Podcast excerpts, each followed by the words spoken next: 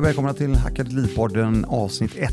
Mitt namn är Christian Werbrand och eh, jag driver ett eh, konto på Instagram som heter Hacka ditt liv sedan ett år tillbaka. Och eh, fått väldigt, väldigt mycket förfrågningar ifrån det kontot via DMs att eh, vi hade jättegärna sett en podd och har även varit med, jag har även varit med i två olika poddavsnitt eh, hos eh, två andra poddare. Så jag tänkte, ja men why not liksom. Vi eh, kör då. Så att det här är första avsnittet. Där jag tänkte skulle berätta lite grann om eh, vad hackade liv, liv är för mig och hur jag ja, tänker och agerar när det gäller eh, min privatekonomi som har tagit mig vidare in i investeringar, sparande och sedermera också ägande av fastigheter. Så om vi rullar tillbaka bandet till eh, första september 2014.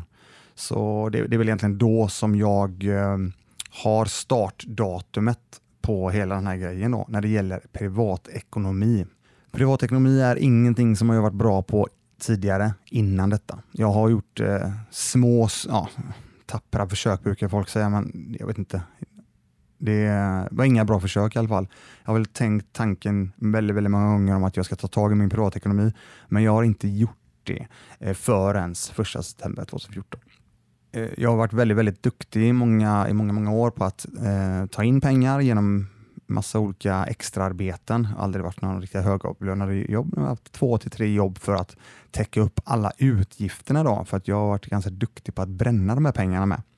Så att jag eh, jag tog mig i kragen riktigt ordentligt efter um, att jag blivit lite inspirerad av um, folk i min närhet, men också att jag uh, tog ett beslut och hittade ett varför där jag faktiskt vill bli, eller ville bli ekonomiskt fri, som jag kommer komma tillbaka till också. då.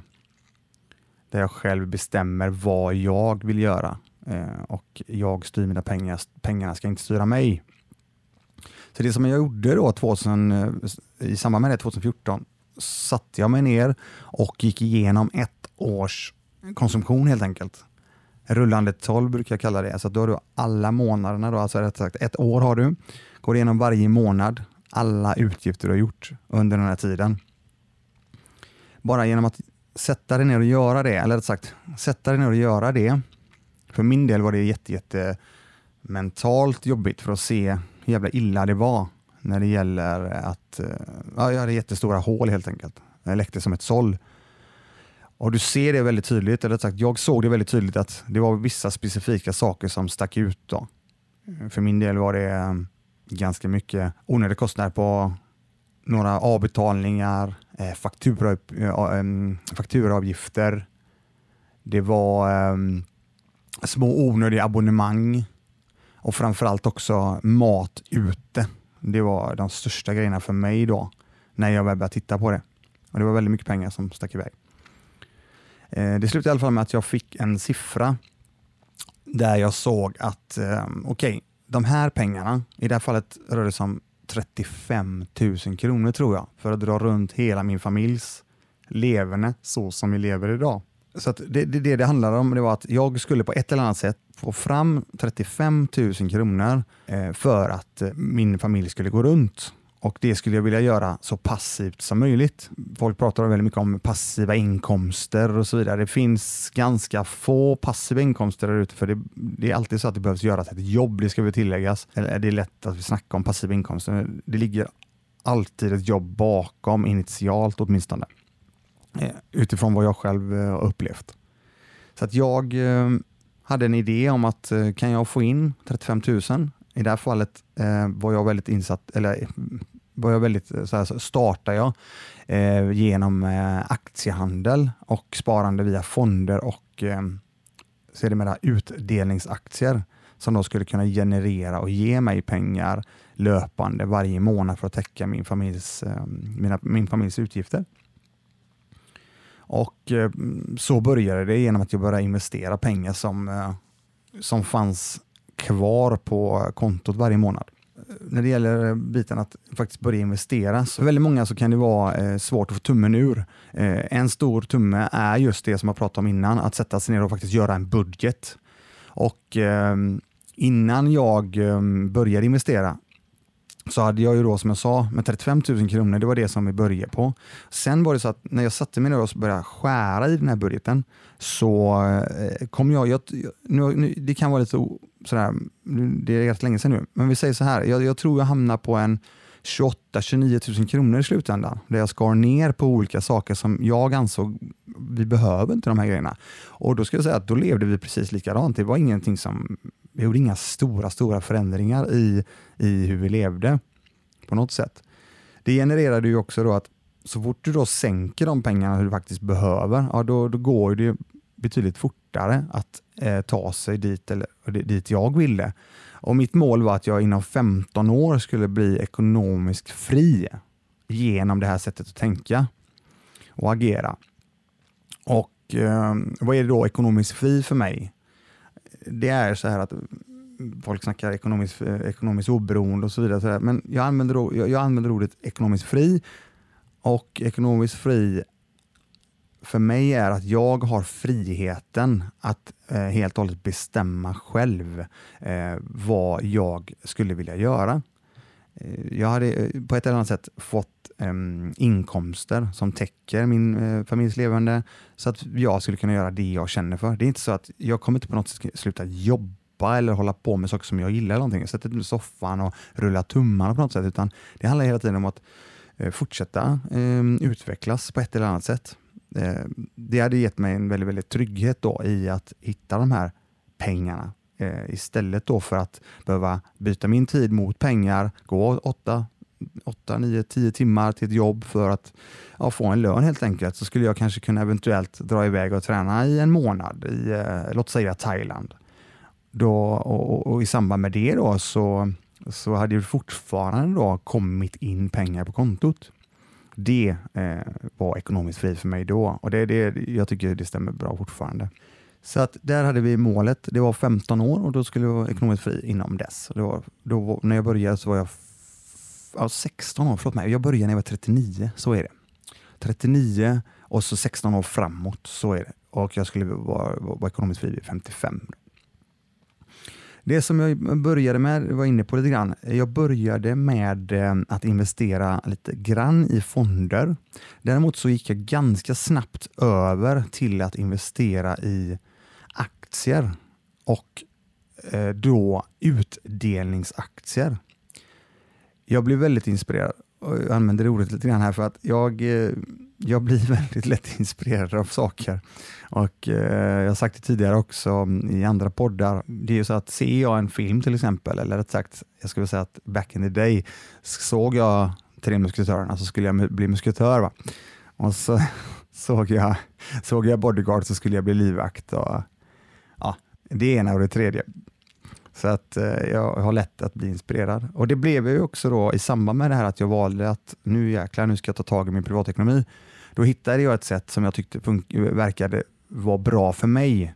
Jag är, jag är lite humörsperson och så vidare och det är lätt hänt att dras med i vissa lägen, så det kände jag att utdelningsaktier skulle vara en bra bra sak utefter det jag hade läst. Jag hade börjat läsa framförallt två bloggar från amerikanska bloggar en kille som heter eh, Jason Fiber, Fiber, Fiber ja, eh, på Dividend Mantra. Han sålde senare, sedermera det. Och sen eh, Dividend Growth Investor tror jag han hette. Två stycken som jag blev jätteinspirerad av. Sen eh, parallellt med det så hade jag två personer eh, ganska nära mig som var rätt duktiga på att placera pengar. Så jag tog eh, rygg på dem också. Ehm, för att bygga, allting tror jag handlar om att bygga upp någon form av trygghet. Det är alltid svårt att bara dra igång, så att jag tror väldigt, väldigt mycket på att ta reda på en hel del. Inte på något sätt allt, för det finns inte, en, finns inte någon där ute som kan allt, utan det handlar om att bygga självförtroende under en tid och sen faktiskt committa och göra det och, och våga chansa och trycka på knappen. Eh, jag tror det är väldigt, väldigt många där som har utmaningar med just det. Att inte riktigt komma till skott utan ja men det är klart vi ska göra det. Ja, och så går det längre och längre och längre och så växer tummen och så blir den större och större och större och så blir det väldigt, väldigt svårt och lätt sagt jävligt ont att dra ut den sen. Så att jag eh, började löpande varje månad investera över, eh, alltså de pengarna som fanns över Eh, efter att vi hade betalt då, räkningar och mat och hela, hela den här biten. Och började även läsa en hel del om eh, sparkvot. Och sparkvot är ju då, det handlar om att alla intäkterna som du har eh, och så kollar du mot hur mycket utgifter du har, så ser du hur mycket blir över. Om man tittar till exempel på vad jag hade lärt mig sedan innan, jag kunde väldigt, väldigt lite om privatekonomi, eh, överhuvudtaget hur jag skulle tänka med pengar. Jag hade hört någon gång att ja, men spara 10% av din lön. Ja, Okej, okay. så det är ju det som jag har eh, levt med sedan tidigare. Eh, jag skulle säga så här, utifrån det som jag kan idag så handlar det ju egentligen hur, hur mycket vill du eh, ta dig till nästa nivå eller rättare sagt ta dig dit du har bestämt att du ska. Ja, det handlar egentligen om tiden du lägger ner. För att, eh, avsätter du 10 av, av pengarna som du har kvar varje månad, tar det bra mycket längre tid.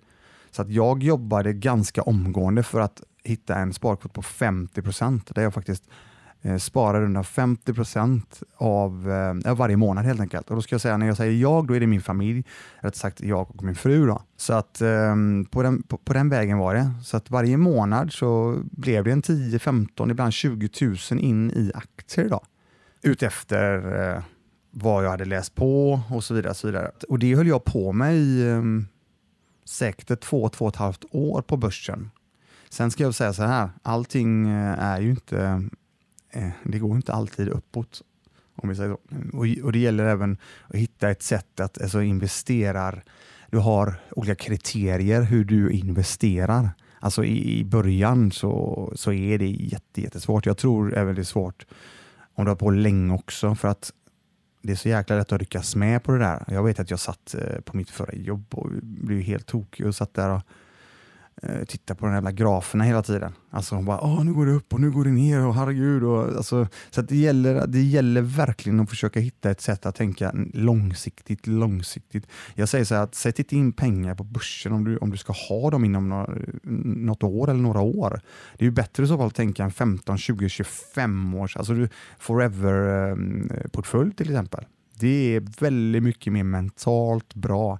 För annars så kom, tror jag att, att, att du kommer att ryckas med i de här svängningarna som ligger på börsen som är helt absurda.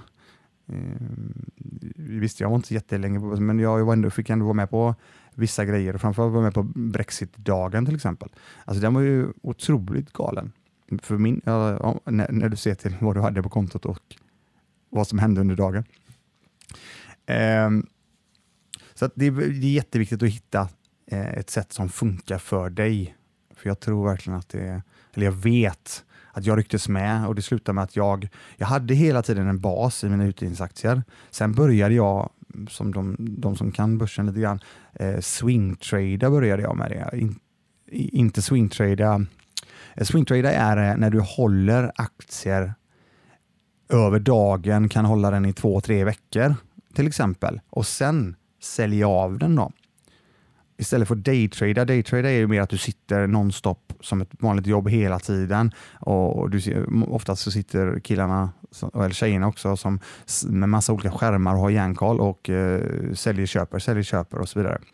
Swingtrade var lite, lite annorlunda. Däremot var det ingenting för mig heller, för där hade jag ingen... Alltså, för min del blev det mer som gambling, betting. Eh, det är ungefär som att sätta, för min del var det så, för jag var för dåligt insatt i eh, de här rörelserna då som sker på, eh, på börsen. Det var som att sätta rött eller svart på, på, på, på kasinot. Men däremot så är det är likvärdigt. Så. Alltså det är ungefär som att kanske sätta upp, någon, sätta upp tavlor på en vägg och så kastar du darterna. Ja, men den tar vi. Okay. Nej, så att, för min del var det långsiktigheten som, som var det viktiga. Och Ehm, det gick ju bra alltså på, på börsen. Eh, jag började med, när det gäller kapital, så började jag med jag började som ett lånade pengar kan man säga. För jag hade gjort så att i samband med att jag tog tag i privatekonomin så hade jag gjort ett hopbakningslån. Eh, och då ska jag säga så här, ett hopbakningslån för de som inte vet riktigt vad det är, det är att du, du har många små krediter och så tar du ett lån till exempel på något av de här bolagen som faktiskt säkerligen eh, spammar er med brev och så vidare, mail, eh, om att eh, baka ihop dina lån. Jag säger så här, det är jättebra om du har eh, commitment och vet om varför du gör det och sen eh, agerar utefter Eh, att du faktiskt eh, bakar ihop de här lånen. Jag tycker det är, det, det tycker jag är bra. Sen bara baka ihop lån för att baka ihop lån, det är inte bra för att du måste gå till botten med det. Varför bakar du upp de här? Vad är det som har gjort så att du måste baka ihop de här lånen? Så du fattar det. För det är inte bara att göra. Så jag hade bakat ihop lån för jag visste att jag skulle ta mig, jag skulle sänka mina kostnader. I, och det var ju faktiskt en av de grejerna som gjorde så att vi fick lägre kostnader per månad då, som jag var inne på tidigare. Och då hade vi eh, lite pengar över där. Sen så gjorde jag en annan grej som eh, vi hade sparat undan löpande under flera år, eh, li, lite grann till barnen. Och Det var väl på eh, 120 000 kanske. Totalt så rörde det sig om 300 000 som jag faktiskt började investera på börsen. Och märk väl nu då, det här var faktiskt inte någonting av våra pengar. Så där har ni, där har ni basen till hur, hur allting började. 2014, 1 september. Det tog ett och ett halvt år. 16 februari 2016. Då satte jag första miljonen på börsen. Folk eh, får säga vad de vill om det där. Det, det, det var eh, jätte jättededikerat sparande, jättededikerat sparande ihop med att börsen faktiskt gick väldigt bra. Det är, mm, oavsett om det inte hade blivit en miljon så hade det blivit en hel del pengar på grund av att jag hela tiden löpande varje månad, eh, så fort jag hade det minsta lilla pengar över eller fick in extra pengar någonstans så gick de oavkortat in i eh, portföljen. Det är jätte, jätteviktigt, tycker jag, att göra det för att få en bra utväxling på eh, sparandet eller investerandet. Det var ju fantastiskt såklart att sätta, det var ju någon, jag hade ju såklart ett mål på att ah, men det är klart jag ska sätta en miljon. Jag hade, ingen, jag hade, jag hade inte satt något datum eller något sånt, utan det, den, den kom bara genom att jag, jag fortsatte nöta hela tiden dedikerat nöta, nöta, nöta. Det är som, alltså jag håller på mycket med träning och så vidare. Det är samma sak där. Det, är, det kan kännas otroligt segt och tungt i många, många fall.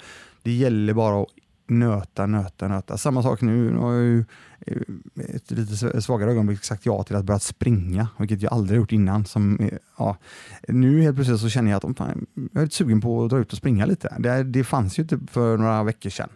Ehm, så att, och det är bara nöta, få in, eh, som kompisarna säger, bara sätta, lägga in och få in kilometrarna eller ja, milen i kroppen då, så att, ehm, så att den vänjer sig. Sen är det bara att fortsätta. Och jag skulle säga samma sak här, jag håller på mycket med kampsport, så det, det handlar om att nöta teknik, teknik, teknik. Och eh, likadant med investeringar och sparande. Eh, parallellt med allt detta då, så har jag ju varit, jag varit jätteintresserad av olika former av investeringar och jag har blivit väldigt eh, ja, intresserad av framförallt fastigheter. Vi hade eh, lite folk i min närhet som, som investerade i fastigheter och köpte någon fastighet här och där. Och jag började se att shit alltså, det, det är ändå rätt intressant kassaflöde. Och kassaflöde var ju det som jag var intresserad av när det gäller mån, alltså, förlåt mig, um, utdelningsaktierna. Där de betalar ju ut utdelningar. Beroende på vad du investerar så betalar de ut utdelningar alltifrån en, en, en, en gång varje månad eller en gång per år eller kanske fyra gånger per år. Och eh, När det gäller fastigheterna så, så såg jag att det var ett löp, eller, kontinuerligt kassaflöde. Jag visste inte så mycket då. Däremot så hittade jag av eh, någon anledning eh, eller sagt jag sökte, det fanns inte så mycket på svenska. Det fanns en kille som heter Lars Dyrendal, eh, trevlig kille eh, som har gjort en, gjort en hel del eh, fastighetsköp eh, och började lyssna lite grann på honom. Och på den vägen kom jag in på ett, ehm, eh, kom in på ett företag som heter Bigger Pockets. Och där, det var ju där det hände, alltså det var ju där allting klickade för mig. För att där, där har du en jätte, jätte community och framförallt hade de en väldigt, väldigt bra de har en väldigt bra Youtube-kanal, framförallt har de sin podcast som är, de är säkert uppe i 360 avsnitt eller någonting nu. Och det satt jag och nötte mm, parallellt med att jag jobbade hela tiden. Alltså, jag skojar inte om jag la en 3 till 5 timmar om dagen i säkert, ja hela tiden, eh, löpande, hela hela tiden. Inte lika mycket Youtube då, för jag satt och stansade ganska mycket på jobbet. Eh, så då satt jag och lyssnade och det är någonting jag kan rekommendera alla er där ute som har möjligheten att eh, faktiskt lyssna, eller sagt, eh, ja, istället för att lyssna på musik när ni jobbar, vilket jag vet många gör. Eh, jag vet också att många sitter med podcast, men välj specifika podcast tycker jag då, som faktiskt tar det till nästa nivå istället. då. Istället för att kanske bara lyssna på ja, saker som kanske, ja, ja visst underhållande, ja, jag köper det, men Eh, det kan vara kul med underhållning till en viss del. Sen handlar det om att du ska ta det till en annan nivå, vilket jag hela tiden försöker sträva efter, så då tycker jag det är väldigt, väldigt bra och i mitt fall så var det Bigger Pockets. Jag blev jätteinspirerad igen då av, av deras sätt att prata och, och berätta. Fick väldigt mycket, eh, mycket tips och eh, 2017, ehm, första februari 2017, då köpte faktiskt ehm, jag första fastigheten. Med det sagt så är det det här som det kommer handla om när det gäller podden, ehm, hur jag agerar, ehm, hur jag tänker i mina investeringar. Som det ser ut nu så är det väldigt mycket fastigheter. Det finns väldigt mycket mer av hur jag, har, eh, hur jag jobbar, hur jag tagit mig dit. Jag försöker ju hela tiden, alltså hacka ditt liv är ju att försöka hitta saker som ger så mycket mervärde som möjligt. Att du lär dig, att du kan ta det till nästa nivå genom att använda dig av olika verktyg. Eh, någonting som jag kommer berätta om också längre fram, det är till exempel hur jag på ett väldigt, väldigt bra sätt använder kreditkort i min vardag och i eh, min verksamhet för att eh, ta del av väldigt mycket intressanta mervärden. Sedan som jag var inne på i podd, eh, tidigare här i avsnittet så så håller jag på en hel del med träning. Jag är väldigt, väldigt noga med att eh, försöka röra mig så mycket som möjligt på olika sätt. Försöker lägga en till tre timmar om dagen på rörelse. Det kan vara allt från stretching till eh, kampsportsträning till numera löpning. Ehm, så det kommer vi också kunna ta upp då, eller ha med i ehm, löpan här i podden. Eh, för jag tror att det är, rätt sagt jag vet att det är extremt viktigt att ta hand om sin kropp. Inte bara eh, ja, jobb och privatekonomi, ekonomi. Eh, jag tror att har du en bra bas i din privatekonomi och i din träning, de två är jätte, jättestarka. Jag tror de har väldigt mycket att göra med att folk där ute inte mår speciellt bra. Så det är någonting som jag brinner för också. då. Och eh, kan någon ta till sig en enda sak av det som jag delar med mig av som funkar för mig eller inte funkat för mig, så är det en win Eh, inte, det är en win för mig, för jag tycker om att dela med mig och, och höra från er där ute att eh, det här och det här funkar och det här och det här funkar inte. tycker det är riktigt kul eh, och, och i slutändan blir det även en win för er. Då. Med det sagt så avslutar vi eh, avsnittet här och eh, tackar för att du lyssnat. På återseende.